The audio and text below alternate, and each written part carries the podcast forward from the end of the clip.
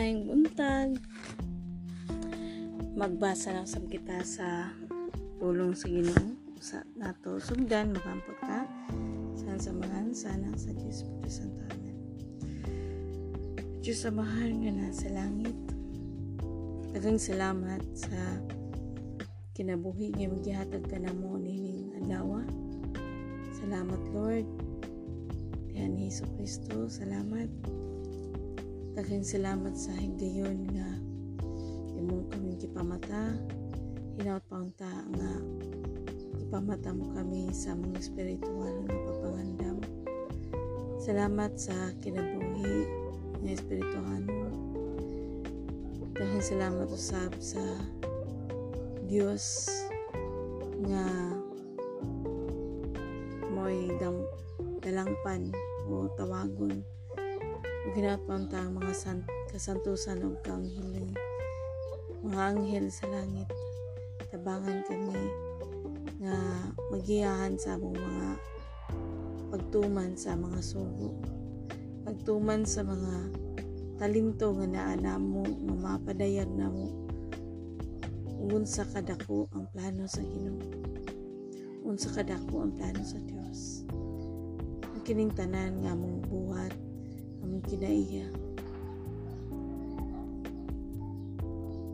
Aron pagpangandam it is a practical na mga pag uh, pag sa among pagtuo ni ang evaluation. Ang mga test quizzes sa kinabuhi para mas mailhan nga kami anak sa Dios mga sinagop. Mga sinagop o Lord amon tangiyan po. Pinagi sa ngalan ni Yesu Kristo nga ang tanan may sakit. May problema. Mas makitan ka. Labi na Lord sa katagsa-tagsa nga pamilya. Ug sa pamilya sa namati nining pagbasa karon. Ug ginapaunta nga siya. Ma-bless sa iyong kinabuhi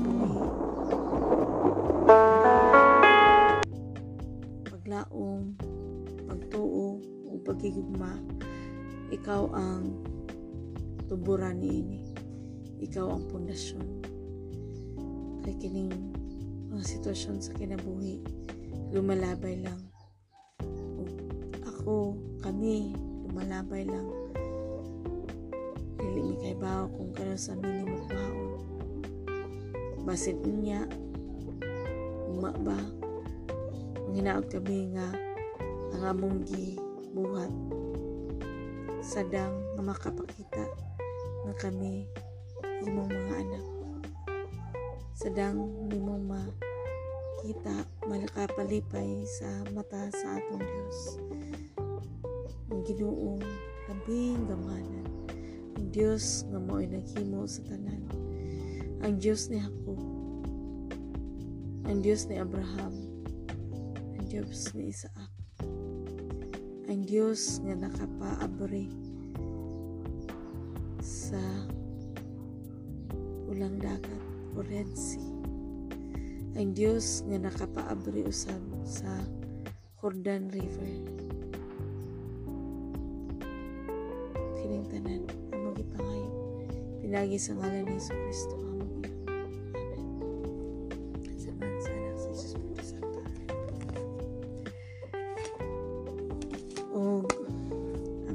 pagbasa Tod, kumusta man mo? Kumusta ang pagkatulog? Kumusta ang kinabuhi? Hinaot pa unta nga ma-feel naho, nato, nga kanang wa, di magod na to ma-feel kayo kung nakabati ba mo. Uh, please leave a message. Chat me kung nakabasa mo. Kayong salamat ha kay Ginoo nagpaabot kanimo sa pulong niya. Ginaot pa labaw na tanan ang purpose ganyan no? Ang mga tiguwang o mga batanon nga dili kayo himasa mas uh, mamati lang no? Mamati pamati niya hinihinay lang sa imong pagpamati. Hinaot pa ang espiritu sa Dios mo dangat diha kanimo kay ang iyang pagpasaylo di basta-basta kung maintindihan nimo ang pulong niya diha maka-feel ka o siya maka, magpa bati kayo nimo nga na maintindihan nimo ang iyang pulong dili nga mo question pa ka no no ang pag-question usana sa kinaiya nga wala ka muuyon Oo. so manghinaot ko nga moabot na ang panahon nga ikaw mas maintindihan nimo. Okay, magsugod ta ang maayong balita. Mahitungod kang Hesus Kristo anak sa Dios. Kapitulo 16, 1 hangtod sa 10. Ah, uh, no, naman dahil ni Juan. Lain-lain mo dahil ni. Uh, ngari sa 20, tapos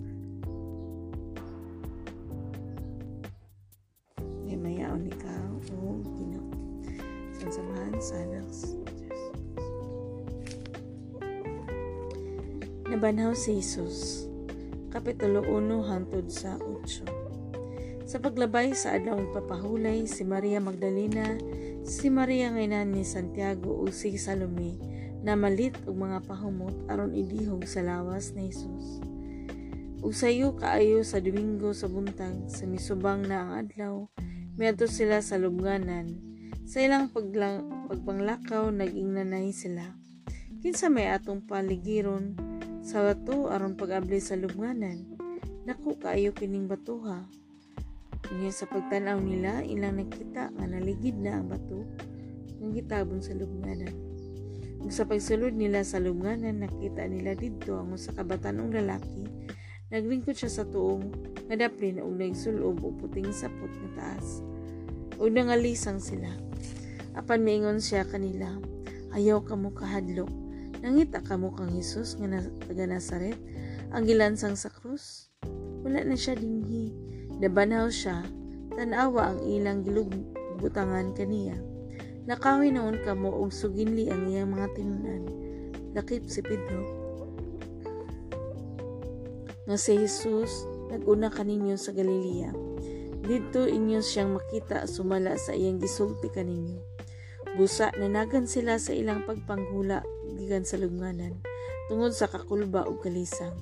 Wala sila manulti kang bisan kinsa kay nahadlok man sila.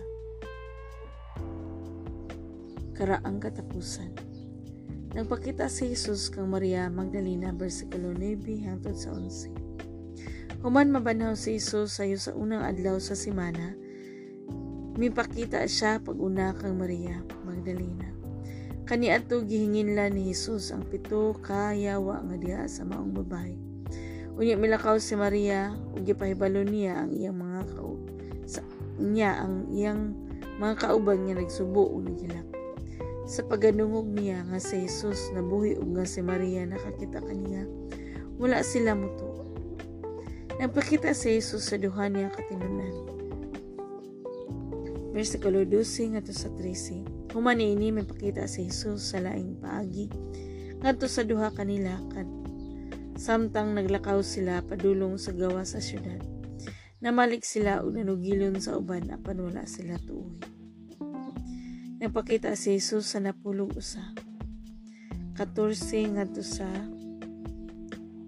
18. Sa katapusan may pakita si Jesus sa napulog usa ka tinunan samtang nangaon sila gisaway niya sila tungod sa ilang pagkakulang sa pagtuo. Ug pagkagahi sa ilang ulo kay wala man sila motuo ni adto nakakita. Kanila nga nabanhaw. Mingon siya kanila panglakaw kamo sa tibuok kalibutan. Ug isangyo kini maayong balita ngadto sa tanang mga tao ang mutuog magpabunyag maluwas apan ang dili mutuo silutan.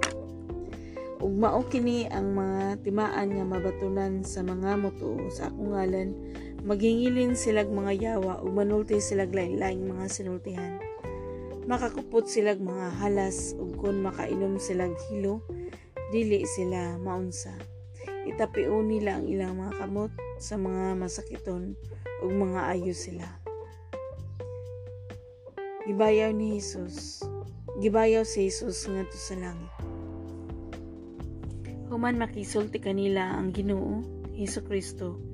gibaw, gibayaw siya ngadto sa langit umilingkod sa tuo sa Dios ug nang lakaw ang mga tinun-an ug nagsangyaw sa maayong balita sa tanang dapit mitabang gayud kanila ang Ginoo ug nagpamatuod sa ilang giwali pinagi sa paghatag kanila og gahom sa pagbuhat ug ilhanan mga o kini ang pulong sa Ginoo. Mao kini ang atong dapat natong tigamnan. Nga ana ilhanan aniha panglakaw ka mo sa tibok kalibutan ing isang iyo kining mahing balita ngadto sa tanang mga tao. Ang motuog mo magpabunyag maluwas. Luwas apan ang dili mo tuo silutan. Dili ka mo tuo may silot. Ug naay timan timaan no? Ang timaan mao nga kita makahingilin og yawa makapanulti og lain-laing sinultihan makakupot og ha, mga halas. Kung ba po na ng mga halas no? Kung makain o, o kung makainom sila gilo dili sila maunsa itapion nila ang ilang mga kamot sa mga masakiton ug mga ayo sila itapion nila ang mga kamot sa mga masakiton ug maayo sila. So kung mabuhat na nato buti pasabot naa na nato ang espiritu sa pagpasaylo. Bakit ang mga tao na nga mga niluwas. Ano? So, ang atong pagtuo, dili enough di ay ang kanang pagsimba lang. Kaya na may mga timailahan nga wala nato pa mapatuni. Mm-mm. Ikabe, ang utanan ako ni mo ba? Nakahingili na makagyawa? Nakapanulti na makaglain-laing mga sinultihan? Nakagunit na makagahas? Nya, nakainom na ba kagiloon nga wala ka maunsa?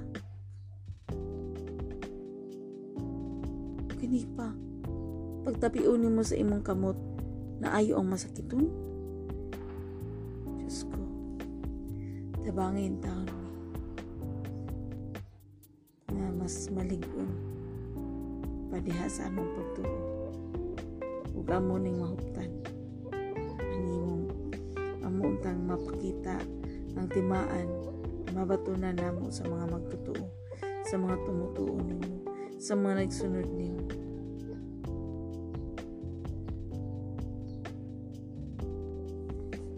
sa imong ngalan mga ayo unta ang masakiton ug ka nang namati karon maayo unta sila. Sa ilang gipamati pinaagi sa imong ngalan ngalan ni Hesus Kristo nga among Dios maluluwas. Padangat kanilang kayuhan. Kining gipangayo pinagi sa ngalan ni Kristo among Ginoo amen o dinhin na lang kita kutob Dagang salamat. Ug nahuman nato ang pasahon ni San Marcos. Thanks God. Salamat sa Dios. O ginaot pa untang na kay nakatunan ni atong atong journey ni San Marcos. Kung magampot ha, amahan na mo.